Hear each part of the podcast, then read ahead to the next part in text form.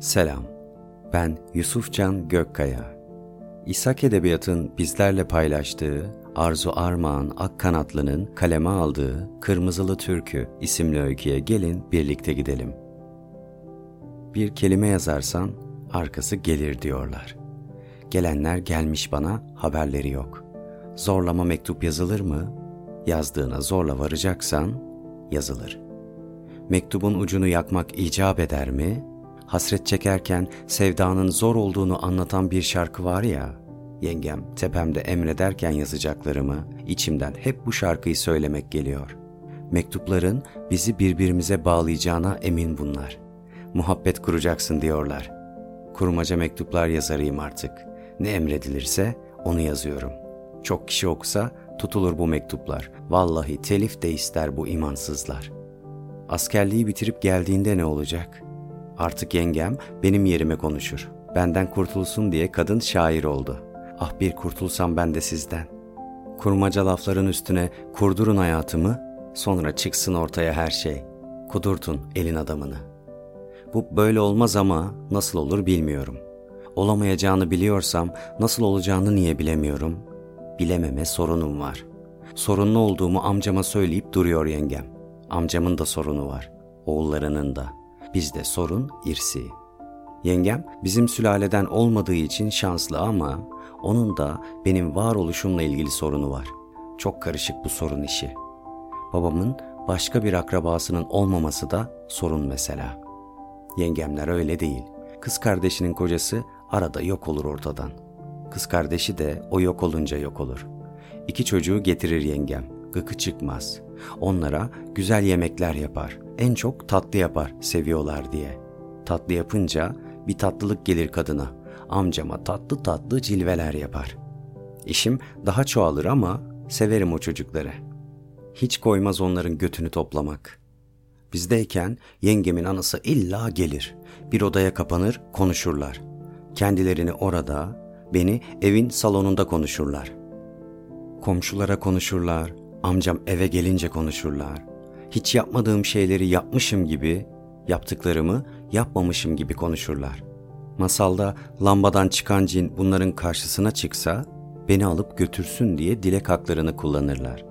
Cin bunların cinliklerini görse, lambanın içine kaçar. Zaten benim de gidecek yerim yok. Yine sesim içime kaçar. Çok sorunluyum. İki ay sonra askerden gelecek nişanlım. Nişanlı ne demek? Bir alameti var demek. Bunun nişanı alnında. Yahu adam bula bula beni mi buldun? Git sorunsuz birini bul. Çöpsüz üzüm demişler benim için. Ne yapacaksın sen beni? Sever bir kız olsun hayatında. Bilebilen bir kız olsun. Var öyle kızlar. Nereden mi biliyorum? Arada sırada ben de bir şeyler biliyorum. Üzümünü ye, bağını sorma. Çöpü de sorma. Sormayacağın kızlar var. Alt katta oturan komşunun kızı mesela. Mektup bir düz yazıdır demişti ortaokulda Türkçe öğretmenim. Düz değil ki benim hiçbir işim. O okuduklarını yazdıran yengemin işleri de hep düzmece. Bu ya böyle gidecek ya da bir yerde düzelecek. Amcamın arada sırada kimse yokken evde halimi sorup üzgün üzgün bakışı var. Yalnızlığım gidiyor o öyle bakınca. Sonra herkes eve gelince çok kalabalık olunca özellikle geri geliyor.'' Yalnızlık en çok kalabalıkta geliveren bir şey. Durmadan ev topluyorum. Kafamın içi karma karışık. Kafa toplama hapları varmış. Alttaki sorunsuz, mutlu kız verdi bir kutu. Bu kız akıl kutusu. Kimseye söylemeyeceğime de söz verdirtti. İçiyorum her gün bir tane. Kırmızı reçete dedi, bir şeyler söyledi. Babam ve annemle ilgili fotoğraflar buldum. Ben kimsenin haberi yok. Çok oldu ama hiç gitmiyor gözümün önünden. Orada da çok kırmızı var, kıpkırmızı. Annemin yüzü görünmüyor hatta. Ailecek kırmızıyla bağımız var. Onlar, o renk onları tutmuş gibi uyuyorlar fotoğraflarda. Ben, o renk reçeteli ilaçla. Yengemin eskisi kadar iyi yapılamayan temizlikle zoru var. Benim kendimle. İlaçları bir mendile sarmış, sarmalamış, çöp atmaya indiğimde veriyor ya bittikçe. Sarıp sarmalamak istiyorum kızı. Onun yerine de içiyorum.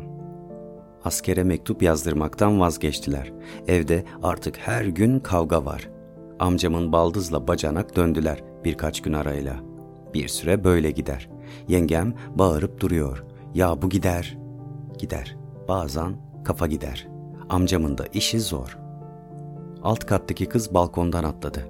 Alt kat dediysem bizim alt kat. Epey yüksekten atladı ama ölmedi. Şimdilik beni konuşmaktan vazgeçtiler. Bir çare bulacaklar, öyle duydum. Türk Dil Kurumu'nun sözlüğü var evde. Orada çare, ortadaki engelleri kaldırmak için tutulması gereken yol demek. Çaresiz bu bizim evdekiler. Bir türlü yol bulamadılar. Babaannemin amcama vasiyeti, mahallenin baskısı, kurumuş bir sülalenin kara kuru kızını başlarına musallat etti. Yolda çok üzücü şeyler oldu. Ben de yola gelmem zaten. İlaçlar da bitti. Annesi kızı alıp memlekete gitti. Benim gidecek bir memleketim olmalı. Amcam en son kapıyı kırdığında bundan emin oldum. Çileden çıktı adam. Ben de çıkmak istiyorum çileden. Dervişler dayanamaz çıkarlarsa çilehaneden. Çileden çıktıkları söylenirmiş. Televizyonda izlemiştim bununla ilgili bir şey. Benim de çileden çıktığım konuşulsun. Çıkıyorum artık, az kaldı. Yengem en son bana doğru nişan aldı. Amcam da o gece beni oradan çıkarttı. Telli duvaklı çıkmak zaten iyi fikir değildi.